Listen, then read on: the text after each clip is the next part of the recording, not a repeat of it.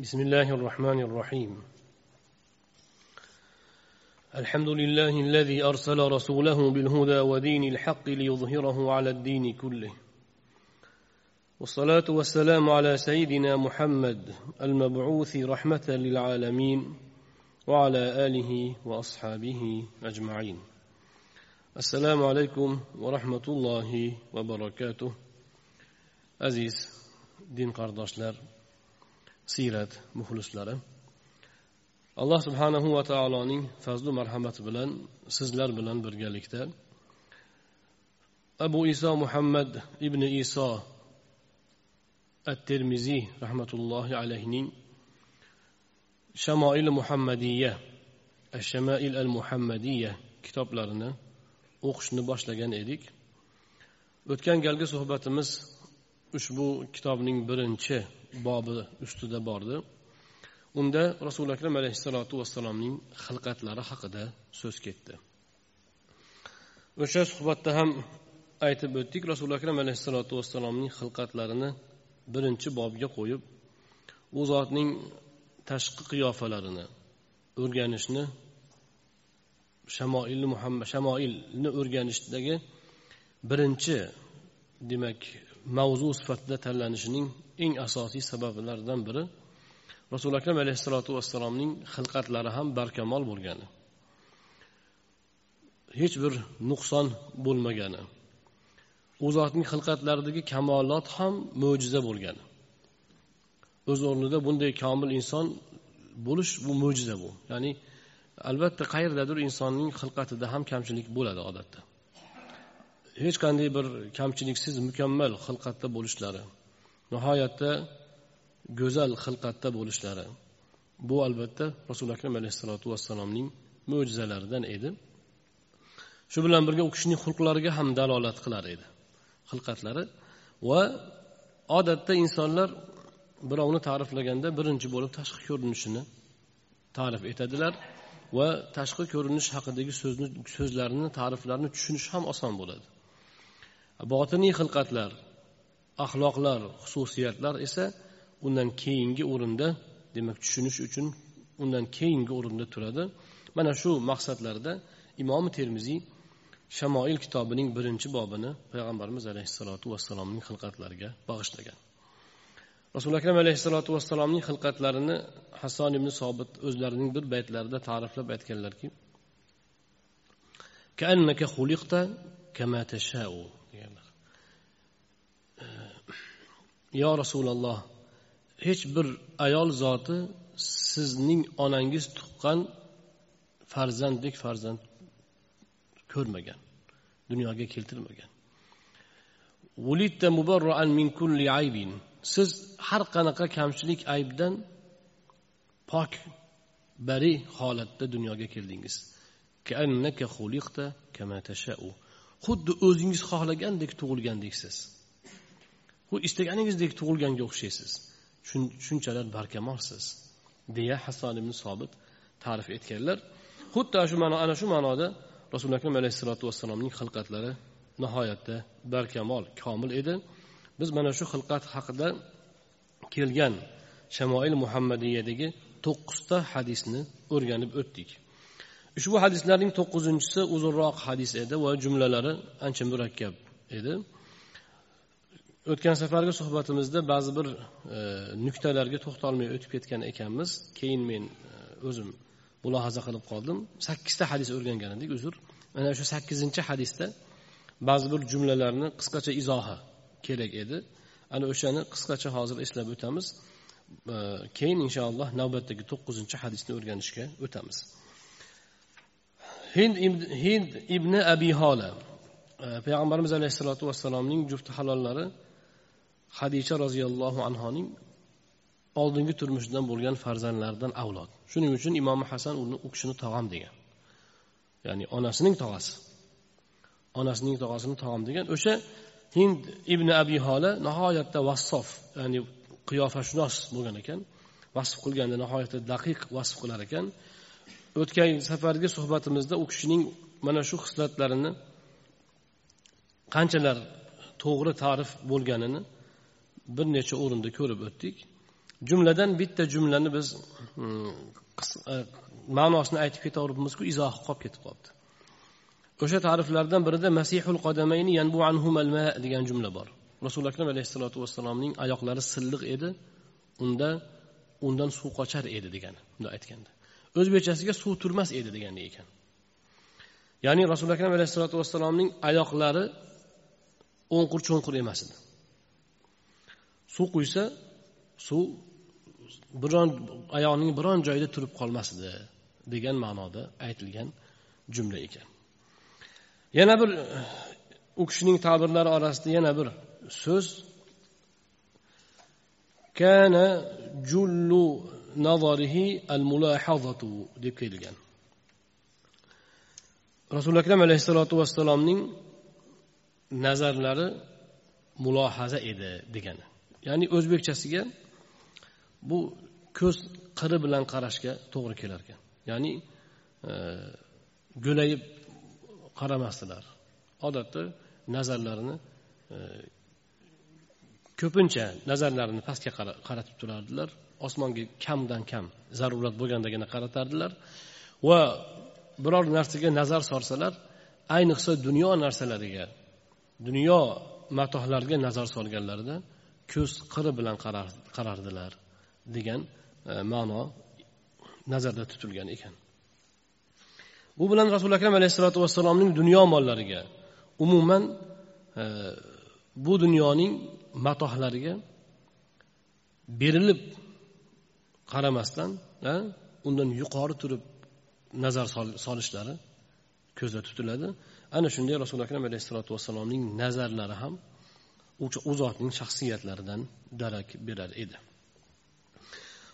Odatga ko'ra biz kitobni to'liq o'qib ketyapmiz bu safar ham to'liq o'qiymiz va e, san'atlarni tarjima qilmayapmiz.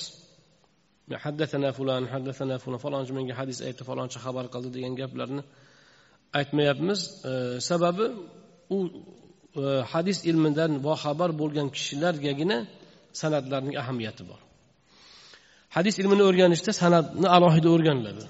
San'atlar ya'ni san'atdagi shaxslar muhaddislar alohida o'rganiladi. Ularni tanishtiriladi. Har bittasining haligi tarjimai hollari bilan tanishib chiqiladi. Bu borada kitoblar yodlanadi. Keyin ularni nomlari san'atda aytilsa keyin ha deysiz. Falonchi masalan hozir siz bilan biz bilgan falonchi qordada masalan zohidjon qordada yahyo qordadadan rivoyat qildi desa shuni tanigan odamlarga qiziq. Shu kishilarni tanigan odamlarga bularni nomlarini aytish qiziq. Ha falonchi pistonchidan demak rivoyat qilgan ekanda ha falonchini pistonchidan qilgan rivoyat haqiqatda kuchli degan falonchi muhaddis. Deb uni biz e, agar ilmini bilsak rijol ilmi deydi bilsak u bizga ahamiyatli bo'ladi. Bo'lmasam undan biz hech qanaqa xulosa ololmaymiz. Shuning uchun san'atlarni biz tarjima qilmayapmiz. Illo zarurat bo'lganda mana shu muhaddislarimizning barakalaridan umidvor bo'lish va ularning qanchalar buyuk ilm va mehnatni zimmaga olganlarini bir ozgina his qilish uchun ba'zan eslab o'tib qo'yamiz. Ba'zan tarjimalardan san'atni ham tarjima qilib o'tamiz. O'tgan safar birinchi hadisni tarjimasini qildik sanadi san'ati bilan tarjima qildik. Bugun ham birinchi o'rganadigan hadisimizning san'atini qisqacha mana shu tarjimasini qilamiz. Nega desa hadisning davomida mana shu e, roviylarning orasidagi suhbat boradi bir birlaridan savol so'rab ikkinchilari javob berib izohlagan joylari bor. Ana o'sha vaqt ana o'sha gaplarni yaxshi tushunishimiz uchun tasavvurimizda bir e, bo'y ko'rsatishi uchun bugun ham e, san'atni tarjima qilamiz. Oltin silsilada ham xuddi shundoq qilingan. Ustoz shayx hazratlar rahmatullohi alayhining tavsiyalari va o'sha maslahatning qarori shu bo'lganki hadislarning sanadini tarjima qilmaymiz lekin san'at to'liq beriladi. San'at mutaxassisga ahamiyatlimi matnda turibdi. Mutaxassis o'qib bilib olaveradi.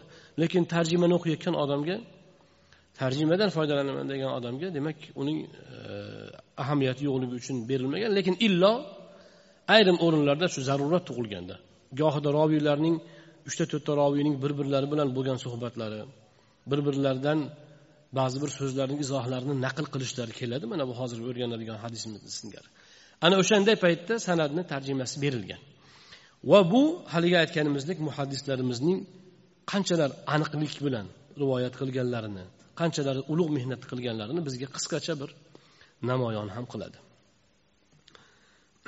بسم الله الرحمن الرحيم وبالسند المتصل عن شيوخ إلى المصنف رحمه الله وهو قال حدثنا أبو موسى محمد بن المثنى حدثنا محمد بن جعفر حدثنا شعبة عن سماك بن حرب قال سمعت جابر بن سمرة يقول كان رسول الله صلى الله عليه وسلم ضليع الفم أشكل العين منهوس العقب.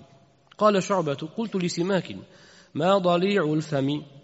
قال عظيم الفم. قلت وما أشكل العين؟ قال طويل شق العين. قلت وما ما منهوس العقب؟ قال قليل لحم العقب. إمام ترمزي تدلر بزجا أبو موسى محمد بن مسنى حديث ايت برده أو ايتكي بزجا محمد بن جعفر إشبو حديث ايت برده u aytdiki bizga shoba ushbu hadisni aytib berdi. Shoba aytadiki shoba simok ibn harbdan rivoyat qiladi. Simok ibn harb shunday dedi. Men jobir ibn samura roziyallohu anhuning shunday deyayotganlarini eshitdim. Rasululloh alayhissalotu vassalom doliul fam og'izlari doli keng edi. Ko'zlari esa qizil aralashgan edi. Arabchasida ashkalal ayn ko'zlarida ko'zlari ko'zlari shaklli edi deylik shaklli edi. Va tovonlari manhus edi deyayotganini eshitdim deydi simok ibn harb. Simo ibn harbning mana shu gapini eshitgan rivoyatni rivoyat qilayotgan shuba aytadi. Men simokdan so'radim. U doliul fam og'izlari zali edi deganingiz nimasi u? Dedim. O'sha demak roviylar ham arablar ham doli so'zini ma'nosini bilmagan ekan tushunmagan ekan. Ya'ni kam ishlatiladigan lug'at ekan. Nima u doli og'izni og'zi doli edi degani nima degani deyuvdim azimul fam og'zi katta edi yirik edi degani deb simok ibn harb izohladi. Men unga aytdim deydi shoba yana. Ho'p ashkalul ayn ko'zlarida shakla bor edi. Deganingiz nimasi? Deyuvdim u aytdiki tovilu shaqqil ayn ko'zining yorig'i ya'ni yorug' ko'z go'yo bir yorilgan joydan ko'rinib turadiku yuzga nisbatan olsangiz. Ana o'shanisi uzun degani ya'ni ko'zlari ko'zlari uzun degani deb izohladi simok ibn harb. Men yana so'radim tovonlari manhus edi deganingiz nimasi deyuvdim tovon manhus ya'ni oriq degani manhus o'zi. Oriq degani bu tovonning go'shti kam degani deb izohladi simok ibn harb. Mana shu joyda simok ibn harb jobir ibn samuradan rivoyat qilayotgan tobein bu kishi jobir ibn samuraning ko'zlari shaklali edi degan so'zlarini izohlaganda ko'zining yorig'i katta edi deb aytdiku. Shuni boshqa mutaxassis tilshunos olimlar e, muhaddislar izoh uncha to'g'ri bo'lmagan degan gapni aytishgan ekan. Aytishgan ekanki yo'q. U ko'zlarida shaklasi bor degani qiz oqida ozgina qizg'ishlik bor edi degani. Oppoq emas sal qizg'ishlik bor edi ya'ni qon yurgani bir dek ya'ni mana shunday edi degani. Deb demak o'sha roviy simok ibn harbning izohini demak biroz noaniqlik bor deb aytishib ko'pchilik ulug'shunos olimlarning gapiga ko'ra demak u rasuli akram alayhissalomning ko'zlarida yorug'i katta degani emas balki qizil qizillik oqida qizillik bor edi degan ma'noni anglatadi. Mana shunday tushunishimiz kerak deydilar. Lekin rivoyat yuzasidan qarang mana shu gapni muhaddislar aytaveradi. Rivoyat qilaveradi shuning uchun sahih hadis hadisda shu gap bor ekan desa bo'ldi shu gap shundoq ekan endi shundoq amal qila olishimiz kerak degan xulosa chiqmaydi. Balki olimlar uni roviyning ifodasida yana boshqa jihatlarda qanday bir o'zgarishlar bo'lmaganmi nima nazarda tutilgan bularni olimlar tadqiq qilib beradi o'ninchi hadis حدثنا هناد بن السري حدثنا عبثر بن القاسم عن أشعث يعني ابن سوار عن ابي اسحاق عن جابر بن سمره قال رايت رسول الله صلى الله عليه وسلم في ليله اضحيان وعليه حله حمراء فجعلت انظر اليه والى القمر فلهو عندي احسن من القمر yana jobir ibn samura roziyallohu anhudan rivoyat qilinadi u kishi aytadilarki men oydin kechada rasuli akram alayhissalotu vassalomni ko'rdim egnilarida qizil hulla bor edi men bir u zotga qarardim bir oyga qarardim allohga qasamki qasamki u zot mening nazdimda oydan ham go'zal edilar rasuli akram alayhissalotu vassalom ana shunday munavvar edilar حدثنا سفيان بن وكيع حدثنا حميد بن عبد الرحمن الرؤاسي. عن زهير عن أبي إسحاق قال سأل رجل البراء بن عازب أكان وجه رسول الله صلى الله عليه وسلم مثل السيف؟ قال لا بل مثل القمر. أبو إسحاق اعتدى. بركش براء بن عازب رضي الله عنه دن سورة قال رسول الله عليه الصلاة والسلام من يزدر قلشك أخشار مدن qilish kabimidi? deb so'radi. Shunda baro ibn ozib roziyallohu anhu yo'q balki oyga o'xshagan edi dedilar. Bu nima degani? Ya'ni rasuli akram alayhissalotu vassalomni ta'riflaganda aytishyaptiyu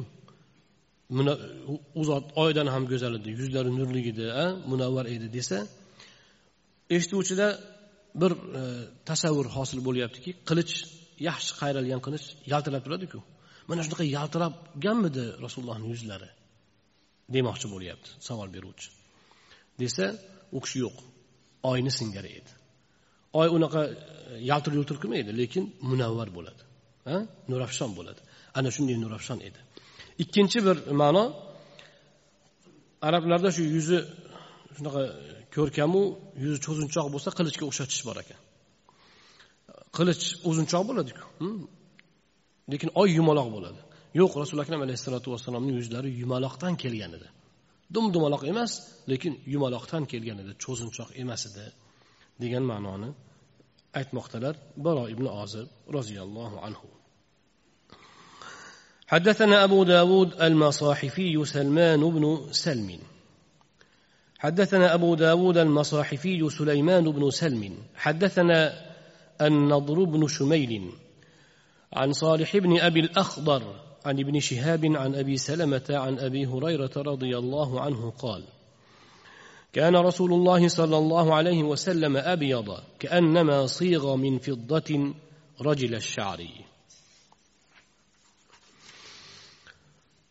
abu hurayra roziyallohu anhudan rivoyat qilinadi aytadilarki rasululloh alayhissalotu vassalom oq tanli inson edilar. Xuddi kumushga botirilgandek edi. Ya'ni kumushni singari bir jiloli edilar. Va sochlari biroz to'lqinsimon edi. Juda jingalak ham emas edi. Oldingi rivoyatlarda o'tgandek juda silliq ham emas edi. حدثنا قتيبة بن سعيد قال أخبرني الليث بن سعد عن أبي الزبير عن جابر بن عبد الله أن رسول الله صلى الله عليه وسلم قال عرض علي الأنبياء فإذا موسى عليه السلام ضرب من الرجال كأنه من رجال شنؤة. ورأيت عيسى بن مريم عليه السلام فإذا أقرب من رأيت به شبها عروة بن مسعود. ورأيت إبراهيم عليه السلام فإذا أقرب من رأيت به شبها صاحبكم يعني نفسه.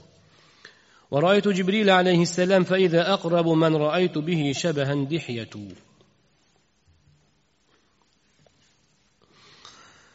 jobir ibn abdulloh roziyallohu anhudan rivoyat qilinadi rasululloh alayhissalotu vassalom dedilar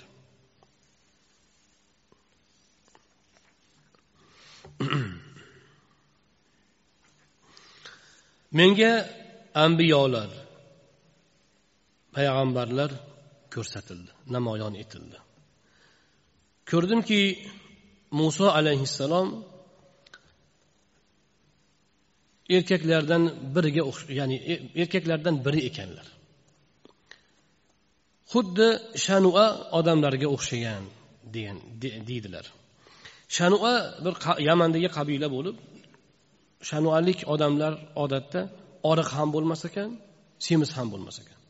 Shu bir xilda gavdalik bir xilda tusdagi bir xilda qiyofadagi o'xshash qiyofadagi insonlar ekan.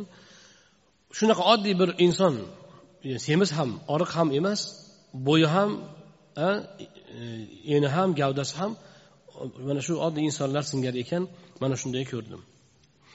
Va iso iso ibn maryamni ham ko'rdim. Unga allohni salomi bo'lsin. U urva ibn masudga o'xshar ekan. Men men ko'rgan odamlar ichida unga eng o'xshagani urva ibn masud ekan deydilar. Urva ibn masud qurayshlik bo'lganlar hudaybiya sulhida rasuli akram alayhissalom bilan quraysh o'rtasidagi sulh tuzish uchun yuborilgan bir necha vakillar borib oxiri suhayl bilan bitadi suhayl ibn amr bilan. O'sha suhayl ibn amrdan oldin borgan elchilardan biri mana shu urva ibn masud bo'ladilar. O'shanda hali musulmon bo'lmagan bo'ladi. Qurashdan vakil bo'lib boradi.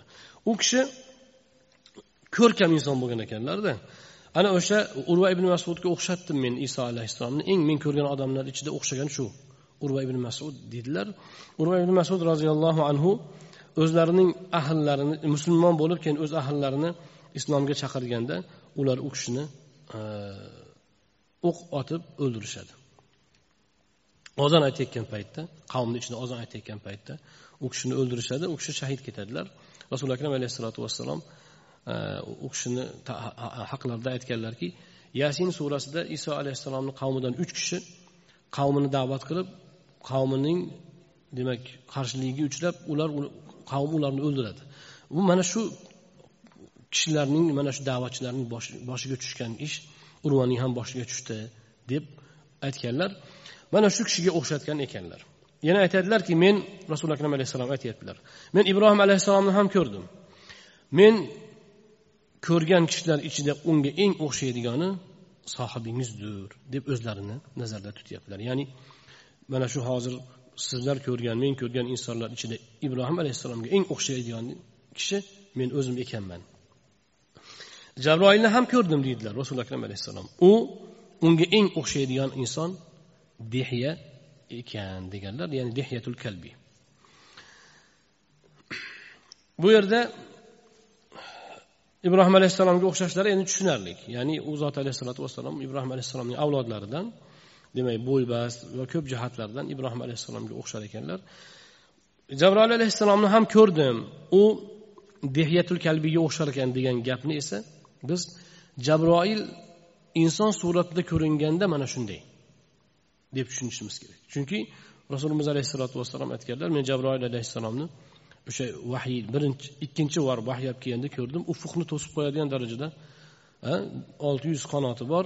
Mana shunday katta bir e, hajmda ko'rganman. Ikki marta deyiladi bir marta meroj kechasida bir marta ana o'shanda jabroil alayhissalomni to'liq suratida ko'rganlar. Boshqa vaqt jabroil alayhissalom ko'pincha ko'rinmasdan vahiyni olib kelganlar. Lekin ba'zan dehiyatul kalbiyning suratida ko'ringanlar. Nega dehiyatul kalbiyning suratida ko'ringanlar desa dehiyatul kalbiy nihoyatda ko'rkam va o'ziga qarab yurar ekan odatda dehiyatul kalbiy e, qo'shinning raisi bo'lgani uchun ham dehya deb atalgan deyilibdi. Arablarda odatda bir tomonga elchi yuborilsa o'shanaqa dehyatul kalbiga o'xshagan kelishgan odamni yuborishar ekan. Chunki o'sha qiyofa ko'p narsani hal qilar ekan insonni tabiati shu. Ko'rkam xushchaqchalik ko'rinishi ham insonni o'ziga rom qiladigan kiyinishi ham o'ziga rom qiladigan mana shunaqa ko'rkam odamni yuborsa elchi ishni oson bitirar ekan. Va va hurmat ham hisoblanar ekan. Ya'ni ehtirom yuzasidan ham. Dehatul kalbi ana shunaqa qiyofadagi ya'ni elchilar qiyofasidagi inson bo'lgani uchun alloh subhanahu va taolo gohida rasuli akram alayhissalotu vassalomga jabroil alayhissalomni yuborganda jabroil alayhissalom vahiyni olib kelganlarida gohida dehyatil kalbiyning suratida ham olib kelganlar. Nega inson suratida kelgan vahiy farishtasi desa rasuli akram alayhissalotu vassalomning o'zlarining e, gaplari bor ya'ni izohlari bor. Navos ibn samon roziyallohu anhu rivoyat qilgan hadis bor. Yo rasululloh sizga vahiy qandoq keladi? deganda u rasululloh aytib berganlar. Gohida inson suratida keladi aytgan gaplari qalbimda qoladi deganlar. Gohida qo'ng'iroq gohida qo'ng'iroqni singari ovoz bilan tovush bilan keladi bunisi menga og'ir bo'ladi deganlar. Insonning vahiy inson payg'ambar ham inson. Vahiyning qabul qilishida odatda inson qanaqa qilib ma'lumot oladi? Insondan eshitib oladi to'g'rimi? Mana shunaqa insondan qabul qilish yengil bo'lar ekan. O'shaning uchun payg'ambarimiz alayhissalotu vassalomga gohida vahiyni u zotning masalan har gal haligidek kuchli quvvat bilan kuchli og'ir mehnat bilan qabul qilishga qo'ymasdan gohida yengillik ma'nosida inson suratida ham jabroil alayhissalom kelib vahiy olib kelar ekanlar. Ana o'sha inson suratida kelgan holatida dehyatul kalbiga o'xshash suratda kelar ekanlar. Bu aynan dehatil kalbiyga o'xshatishlarini sababi u kishi jismonan ham ko'rkam va o'ziga qarab yuradigan odam bo'lgan ekanlar. Bundan biz ko'p narsalarni xulosa qilsak bo'ladi. Ya'ni musulmon kishi demak o'ziga qarab ko'rkam yurishi kerak ekan. Shunda suhbatdoshiga gapi singishi ham oson bo'lar ekan. Jumladan ilm ma'rifat ulashmoqchi bo'lgan kishilar ham ko'rkam yaxshi kiyimlar kiyishlari shuning uchun marg'ub ekan. Shuning uchun imom abu hanifa rahmatullohi alayhi aytganlar shogirdlarga sizlar odamlarga dinni o'rgatasizlar chiroyli kiyininglar sallarni katta qilinglar to'rlarni keng yenglarni keng qilinglar ya'ni mahobatli ko'rkam bo'lsin kiyiminglar deb tayinlaganlar. Bu ham demak bir e, ilohiy sunnatlardan hisoblanadi. Mana demak bu hadisda asosiy bizga biz oladigan joyimiz rasuli akram alayhissalomning shamoillari haqida gap ketyapti ya'ni tashqi xilqatlari. U zot alayhissalotu vassalom ibrohim alayhissalomga o'xshar ekanlar. حدثنا سفيان بن وكيع ومحمد بن بشار المعنى واحد قال اخبرنا يزيد بن هارون عن سعيد بن عن سعيد الجريري قال سمعت ابا الطفيل يقول رايت النبي صلى الله عليه وسلم وما بقي على وجه الأرض احد راه غيري قلت صفه لي قال كان أبيض مليحا مقصدا said al jurayriy aytadi men abu tufayl roziyallohu anhudan eshitdim u kishi aytdilarki abu tufayl rasuli akram alayhissalotu vassalomning sahobalaridan eng uzoq umr ko'rgan va oxirgi vafot etgan sahoba hisoblanadi u kishi e, bir yuz yigirma mana bir yuz o'ninchi sanada vafot etganlar. Rasuli akram alayhissalotu vassalom bir kuni suhbat qilayotib aytganlarki mana shu joyda o'tirganlardan yuz yildan keyin hech kim qolmaydi deganlar. Yer yuzida degan ekanlar. Yer yuzida hozir bor kishilardan hm? yer yuzida hozir bor kishilardan yuz yildan keyin hech kim qolmaydi deganlar. Haqiqatan oxirgi sahobiy mana abu tufayl ismlari omir ibn vosila oxirgi vafot etgan sahobiy mana shu rasululo akram alayhissalomdan yuz yil keyin vafot etgan. U kishi aytibdilarki men rasulimiz alayhissalotu rasul nabiy alayhissalotu vassalomni ko'rgim ko'rganman. Hozir u zotni ko'rgan mendan boshqa yer yuzida birorta inson yo'q. Ana abu tufayl aytyaptilarki yer yuzida hozir rasulullohni ko'rgan mendan boshqa inson yo'q. Bu gapni eshitgan said al jurayli darhol fursatni g'animat bilib u zotni bizga vasf qiling menga vasf qilib bering dedim deydi.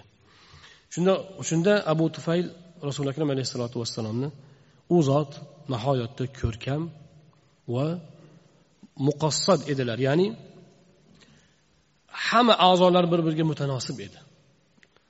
Biri uzun biri kalta ham emas va odatdagidan uzun uzun kalta ham emas.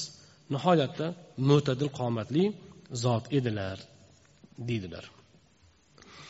حدثنا عبد الله بن عبد الرحمن أخبرنا إبراهيم بن إبراهيم بن المنذر الحزامي أخبرني عبد العزيز بن ثابت الزهري حدثنا إسماعيل بن إبراهيم بن أخي موسى ابن عقبة عن موسى ابن عقبة عن كريب عن ابن عباس رضي الله عنهما قال كان رسول الله صلى الله عليه وسلم أفلج الثنيتين إذا تكلم رؤي كالنور يخرج من بين ثناياه. ibn abbos roziyallohu anhudan rivoyat qilinadi rasululloh alayhissalotu vassalomning ikki kurak tishlari orasi ochiq edi. Juda katta ochiq emas. Ya'ni bir biriga tegar tegmas mana shunday holatda edi. Bir biriga mingan emas edi. So'zlasalar qachon gapirsalar xuddi ikkala mana shu kurak tishlarining o'rtasidan nur chiqayotgandek bo'lar edi nur ko'rinar e, nur ko'rinayotgandek bo'lar edi deydilar ibn abbos roziyallohu anhu birinchi bobni yakunladik. ya'ni rasuli akram alayhissalotu vassalomning xilqatlariga doir birinchi bob nihoyasiga yetdi. Endi ikkinchi bobni o'rganishga kirishamiz. Bu bob rasulimiz rasuli akram alayhissalotu vassalomning nubuvat muhrlari haqida boradi. Babu fi nubuva payg'ambarlik muhri haqida kelgan xabarlar xususidagi bob. حدثنا أبو رجاء قتيبة بن سعيد حدثنا حاتم بن إسماعيل عن الجعد بن عبد الرحمن قال سمعت السائب بن يزيد يقول ذهبت بي خالتي إلى النبي صلى الله عليه وسلم فقالت يا رسول الله إن ابن أختي وجع. فمسح صلى الله عليه وسلم رأسي ودعا لي بالبركة وتوضأ فشربت من وضوئه وقمت خلف ظهره فنظرت إلى الخاتم بين كتفيه فإذا هو مثل زر الحجلة. صائب بن يزيد رضي الله عنه ايتدلر خالم من نبي عليه الصلاة والسلام خزر لاريا اول باردلر. وايتدلر كي الله من رسوله mana bu opam yoki singlimning o'g'li og'riyapti deb rasuli akram alayhissalotu vassalomga aytdilar. Shundan u zot alayhissalom boshimni siladilar va menga baraka so'radilar va tahorat oldilar. Men u zotning tahorat suvlaridan ichdim va u zotning orqalariga o'tib turdim va ikki kuraklari o'rtasidagi xotam muhrga nazar soldim. Qarasam u hajalaning tugmasiga o'xshash ekan deydilar. Soib ibn yazid roziyallohu anhu ham uzoq yashagan sahobiylardan hisoblanadilar. O'sha vaqtlarda demak bolakay bo'lgan ekanlar.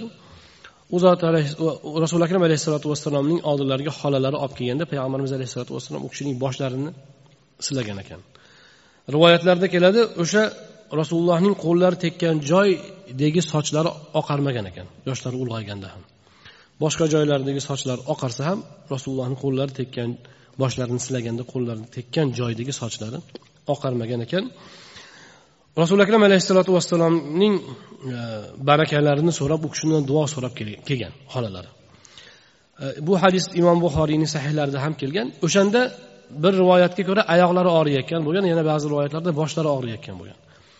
Umuman olganda u kishi nihoyatda qattiq og'riqda bo'lgan. Payg'ambarimiz alayhissalom boshlarini silab bolakayning.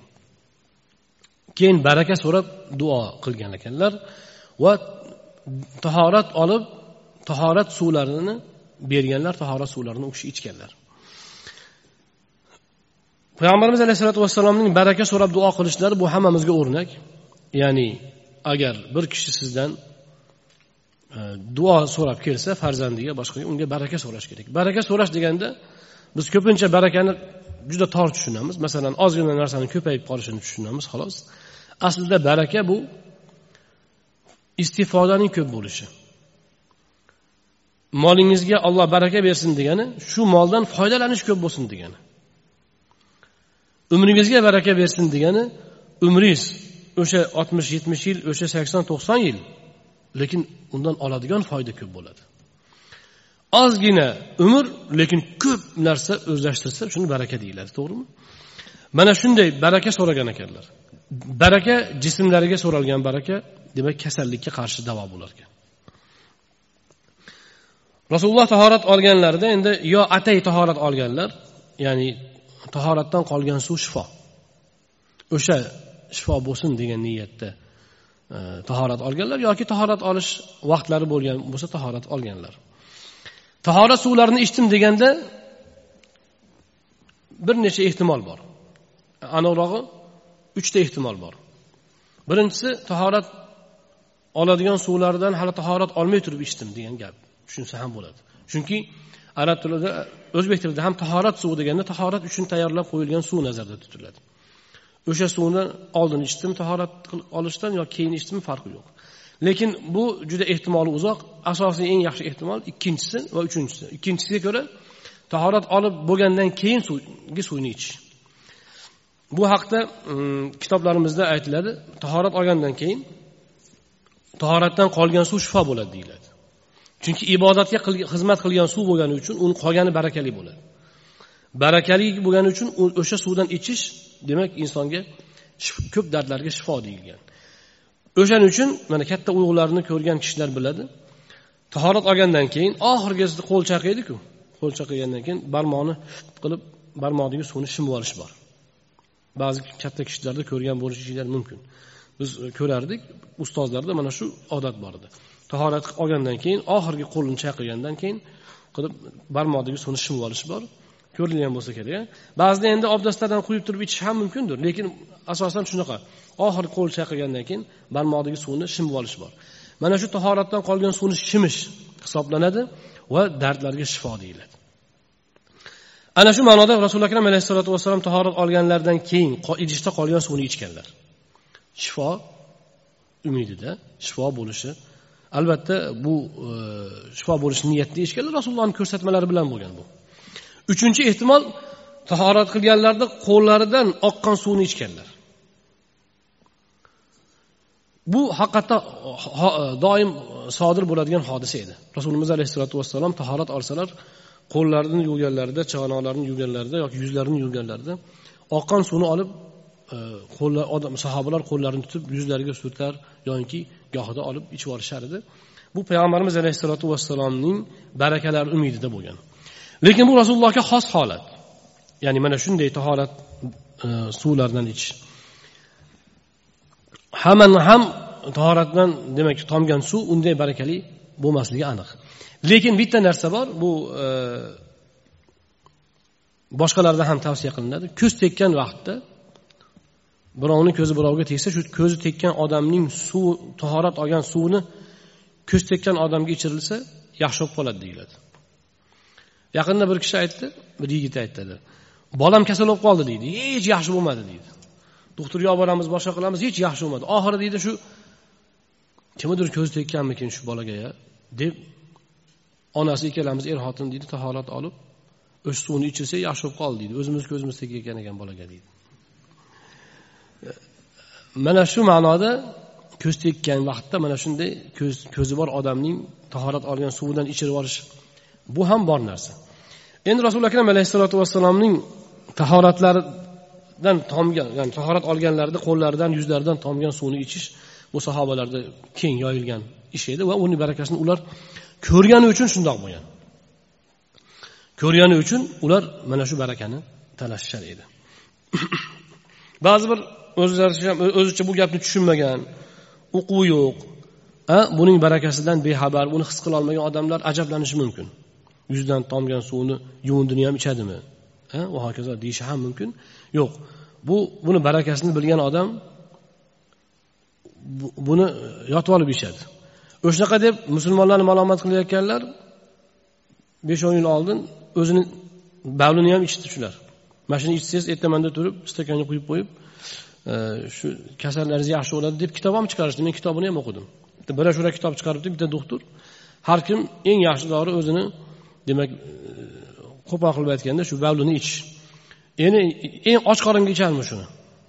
Och qoringa ichsa shifo bo'larmish kasallarga deb ichishdi shuni. Lekin u harom.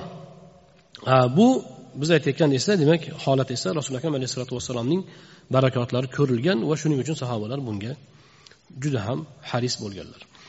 Orqalariga o'tdim deydi sohib ibn yazid. Rasuli akram alayhissalotu vassalomning ikki kuraklari o'rtasida aniqrog'i chap kurakka yaqin joyda yurakning orqa qismida hajalaning tuymasiga o'xshagan narsa ekan men ko'rsam xotami nubuva nubuvat muhri deydilar. Hajala degan so'zni ikki xil izohlangan.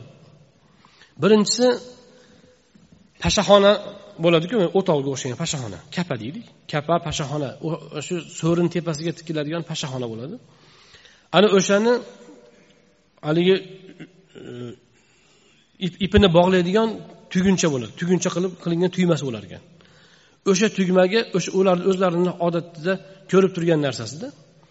Mana masalan hozir biz aytishimiz mumkin shapkani shapkani haligi yumaloqga o'xshagan ekan deysizku shapkani yumalog'ini hamma tushunadi. Robiy mana shu narsani o'sha vaqtda o'zlarida bor iste'molda bor narsani aytyaptilar. O'sha pashaxonaning tugmasiga o'xshagan narsani ko'rdim deganlar. Ikkinchi bir bu hajalaning demak ma'nosi e, kaklik degani kaklik. unda zir degan so'z tugma degan so'z tuxum ma'nosida tushuniladi ya'ni kaklikning tuxumiga o'xshash narsa ekan degan ma'noda tushunsa ham bo'ladi lekin bu ikkinchi o'rindagi ma'no hisoblanadi birinchisi oldingi aytganimiz demak pashaxona pardaning deylik pardaning tugmachasiga o'xshagan narsa ekan demoqdalar keyingi hadis navbatdagi hadis حدثنا سعيد بن يعقوب يعقوب الطالقاني حدثنا سعيد بن يعقوب الطالقاني أخبرنا أيوب بن جابر عن سماك بن حرب عن جابر بن سمرة رضي الله عنه قال رأيت الخاتم بين كتفي رسول الله صلى الله عليه وسلم غدة حمراء مثل بيضة الحمامة. جابر بن سمرة رضي الله عنه دان رواية قلنا aytadilarki men rasululloh alayhissalotu vassalomning ikki kuraklari o'rtasidagi nubuvvat muhrini ko'rdim. U qizil qizg'ish chandiqqa o'xshash narsa ekan. Xuddi kabutarning tuxumiga o'xshar edi ya'ni shakl jihatdan. Kabutarni tuxumichalik e, lekin demak qizg'ish nima deymiz biz? Bo'rtiq chandiqqa o'xshash narsa ekan deydilar حدثنا أبو مصعب المديني حدثنا يوسف بن الماجشون عن أبيه عن عاصم بن عمر بن قتادة عن جدته رميثة قال قالت سمعت رسول الله صلى الله عليه وسلم ولو أشاء ولو أشاء أن أقبل الخاتم الذي بين كتفيه من قربه لفعلت يقول لسعد بن معاذ يوم مات اهتز له عرش الرحمن osim ibn umar ibn qatoda buvisidan buvisi rumaysadan rivoyat qiladi rumaysa aytadi rasululloh alayhissalotu vassalomning shunday deyayotganlarini eshitdim deb hadisni aytishdan oldin o'rtada o'zini boshqa bir gapini qo'shyaptiki men agar xohlasam rasuli akram alayhissalotu vassalomga mana shu hadisni eshitganimda rasulullohga shunaqa yaqin turgan edimki agar xohlasam muhr nubuvvatlarini o'pib olsam ham bo'lar edi. Ya'ni shunaqa yaqin joyda turgan edim. Rasuli akram alayhissalotu vassalomning muhr nubuvvatlari ikki kuraklarining o'rtasida edi. U kishi u zot alayhissalom sad ibn muoz o'lgan kuni aytdilarki bugun sadning vafoti tufayli rahmonning arshi larzaga keldi dedilar. Sad ibn muoz roziyallohu anhu handaq g'azotidan keyin vafot etganlar. U zot e, o'sha handaqda o'zi e, sanoqli uchta ikkita uchta odam vafot etgan. Handaq bor dushman o'tolmaydi lekin o'q otganda o'q kelib u kishini qon tomirlariga tegadi. Shu bilan tomirlari yorilib bitmasdan bir oycha e, betob bo'lib yotib vafot etganlar. O'sha u zot vafot etganlarida rasuli akram alayhissalotu vassalom rahmonning arshi larzaga keldi uning o'limidan degan ekanlar. Ya'ni xursandchilikdan o'sha mana shu hodisaning buyukligidan rahmonning arshi larziga keldi degan ekanlar. Rahmonning arshi larzaga keldi deganda demak buni biz ikki xil tushunishimiz mumkin. Ba'zilar zohir tushunadi. Allohning arsh degan maxluqi bor o'sha larzaga kelibdi deb tushunadi. Ikkinchi bir tavilga ko'ra bu e, majoziy ma'noda tushunish mumkin. Ya'ni masalan aytaylik e, bunga o'xshash holat hamma tilda bor. Falonchining aytaylik masalan bir mansabdor odamning mansabdan ketish xavfi tug'ilib shunaqa gap so'z bo'lsa falonchini kursisi qimillab qolibdimi deb qo'yish mumkin masalan to'g'rimi? U o'tirgan kursisi qimillamagan lekin mansabdan ketish xavf paydo bo'libdimi degani bu to'g'rimi? Rahmonning arshi larzaga keldi deganda ham ya'ni mana shunday buyuk bir hodisa bo'ldi hatto rahmonning arshi larzaga keladigan holat bo'ldi degan bir majoziy ya'ni xursandchilik shunchalik bo'ldi allohni huzurida degan ma'noda ham tushunish mumkin deydi shorihlar حدثنا أحمد بن عبدة الضبي, الضبي وعلي بن حجر وغير واحد قالوا أنبأنا عيسى بن يونس عن عمر بن عبد الله مولى غف غفرة قال حدثني إبراهيم بن, إبراهيم بن محمد من ولد علي بن أبي طالب قال كان علي إذا وصف رسول الله صلى الله عليه وسلم فذكر الحديث بطوله وقال بين كتفيه خاتم النبوة وهو خاتم النبيين. ali ibn abu tolib roziyallohu anhu rasuli akram alayhissalotu vassalomni vasf qilsalar yuqorida kecha o'tgan suhbatda o'rganganimiz hadisni aytardilarda jumladan aytardilarki u zot alayhissalomning ikki kuraklari o'rtasida nubuvvat muhri bor edi u payg'ambarlarning nabiylarning muhridir derdilar حدثنا محمد بن بشار حدثنا أبو عاصم حدثنا عزرة بن ثابت حدثني علباء بن أحمر اليشكري. قال حدثنا أبو زيد عمرو بن أخطب الأنصاري. قال قال لي رسول الله صلى الله عليه وسلم يا أبا زيد أدن مني فامسح ظهري. فمسحت ظهره فوقعت أصابعي على الخاتم. قلت وما الخاتم؟ قال شعرات مجتمعات. Ilvo ibn ahmar yashkuriy hadis aytib berib aytadilarki abu zayd amr ibn axtab ansoriy bizga hadis aytib berib shunday dedi. Rasululloh alayhissalotu vassalom menga ey abu zayd menga yaqin keldi yelkamni orqamni sila dedilar. Men u zotning orqalarini siladim. Qo'lim barmoqlarim nubuvvat muhriga tegdi. Ana demak abu abu zayd abu zayd ibn amr al axtob ibn axtob al ansoriy roziyallohu anhu rasuli akram alayhissalotu vassalomning mo'r nubuvatlarini qo'l bilan siypalagan ekanlar roviy aytadiki ilbo ibn ahmar men abu zayddan so'radim u muhr nubuvat qanaqa ekan nima ekan u? Deyuvdim u aytdiki shaarotun mujtamiatun. Bir tutam tuklarga o'xshash ekan deydilar. Endi bu joydan biz oladigan xulosamiz shuki bu yerda rasuli akram alayhisalotu vassalom nega orqamni sila deganlar desa odatda payg'ambarimiz alayhissalotu vassalomning davrlarida tikilgan kiyim doim ham kiyilmagan. Gohida rido. Kiyilgan rido mana hozir hajga umraga borgan odamlar yelkaga tashlaydigan in.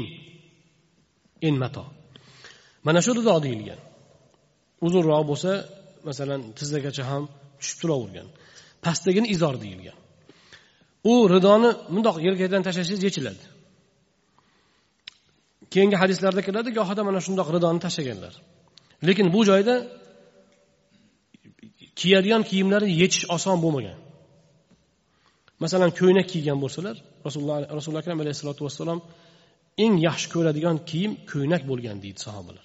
Nega desa haligi ridoda ba'zi to'sinish qiyin uni eplab yurish qiyin. Lekin ko'ylak bu e, doim to'sib turadi harakatlari bemalol bo'ladi.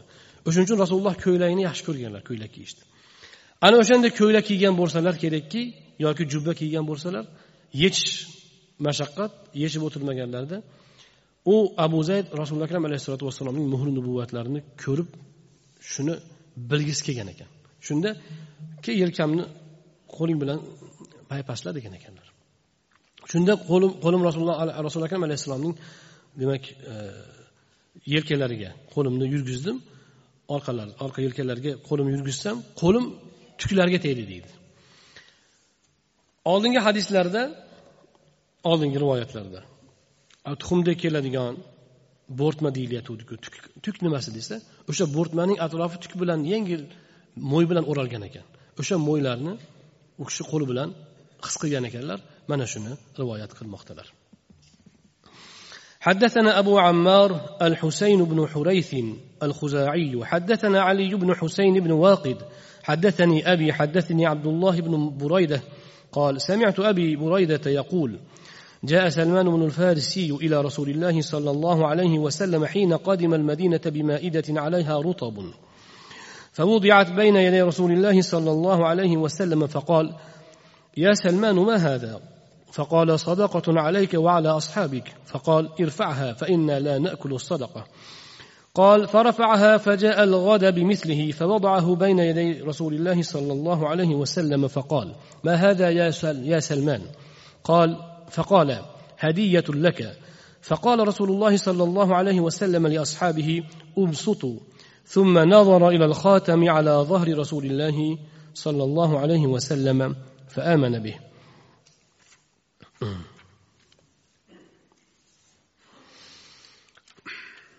burayda roziyallohu anhu aytadilar salmoni forsiy rasululloh alayhissalotu vassalom madinaga kelganlarida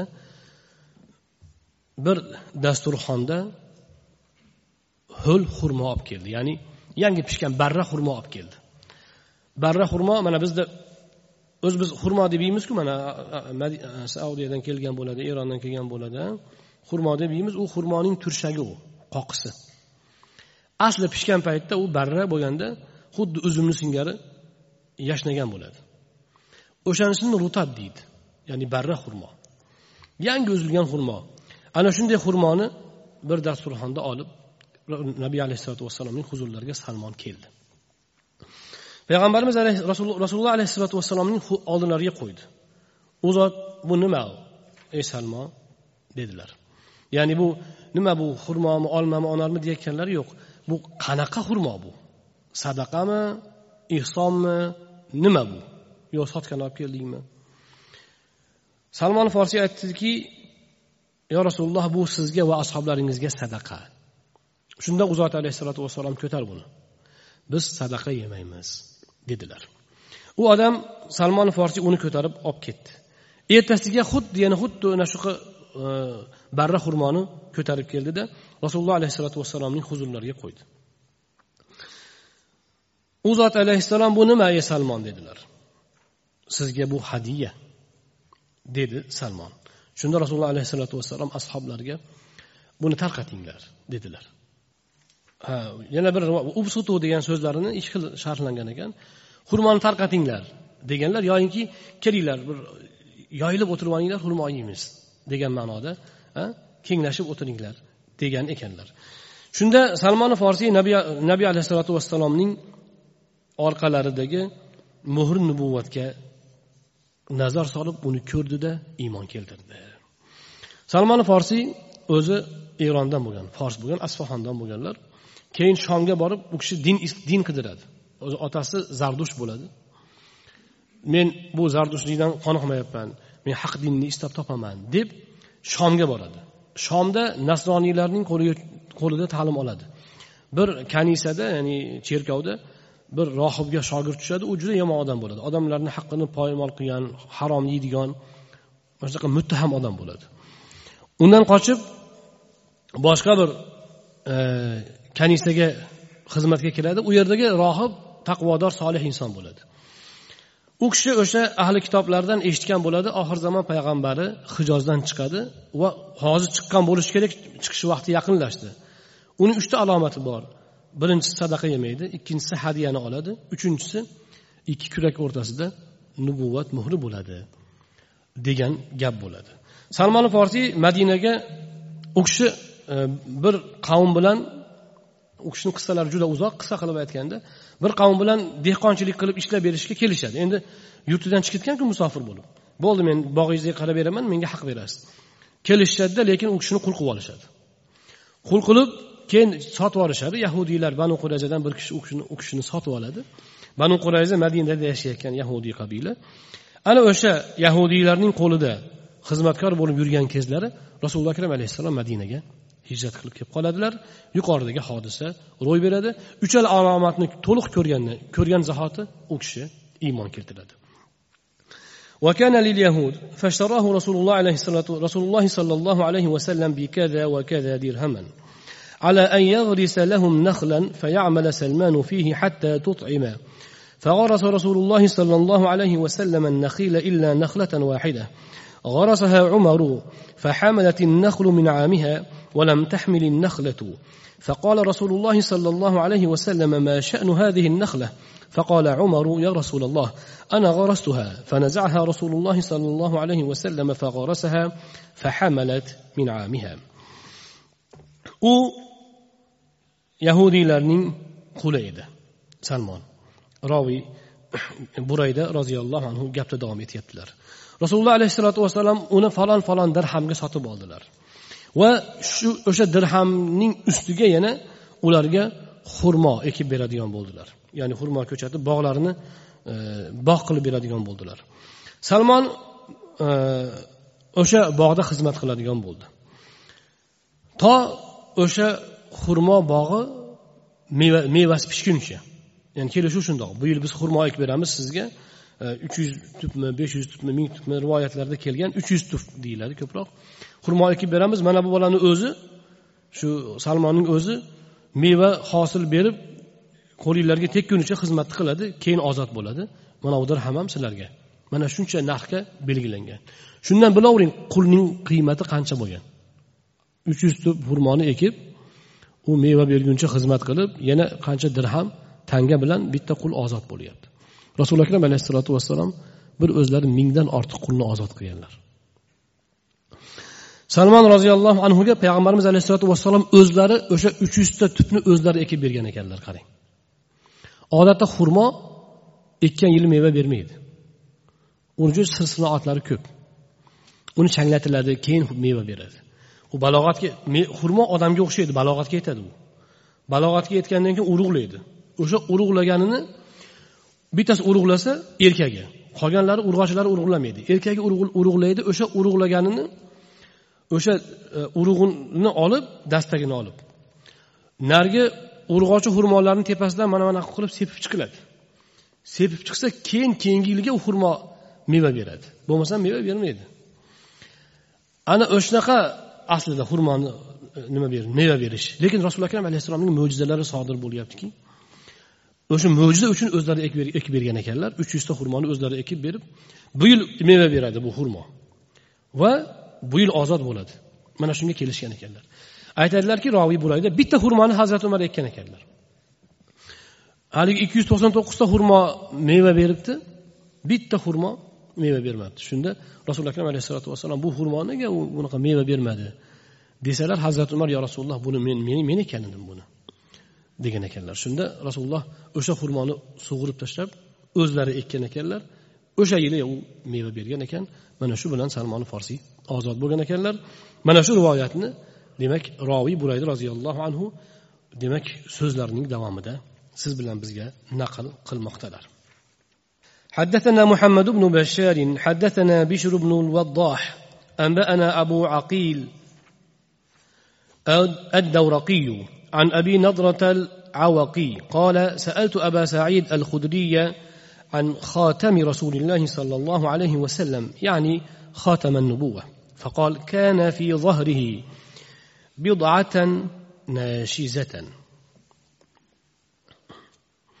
nazra al avaqiy aytadi biz abu said hudriy roziyallohu anhudan rasululloh sollallohu alayhi vasallamning ya'ni rasululloh alayhisalotu vassalomning muhrlari ya'ni nubuvvat muhri haqida so'radik shunda u kishi aytdilarki u muhri nubuvvat u zot alayhissalomning orqalarida edi bo'rtib chiqqan bir bo'rtiq go'shtga o'xshagan narsa edi deydilar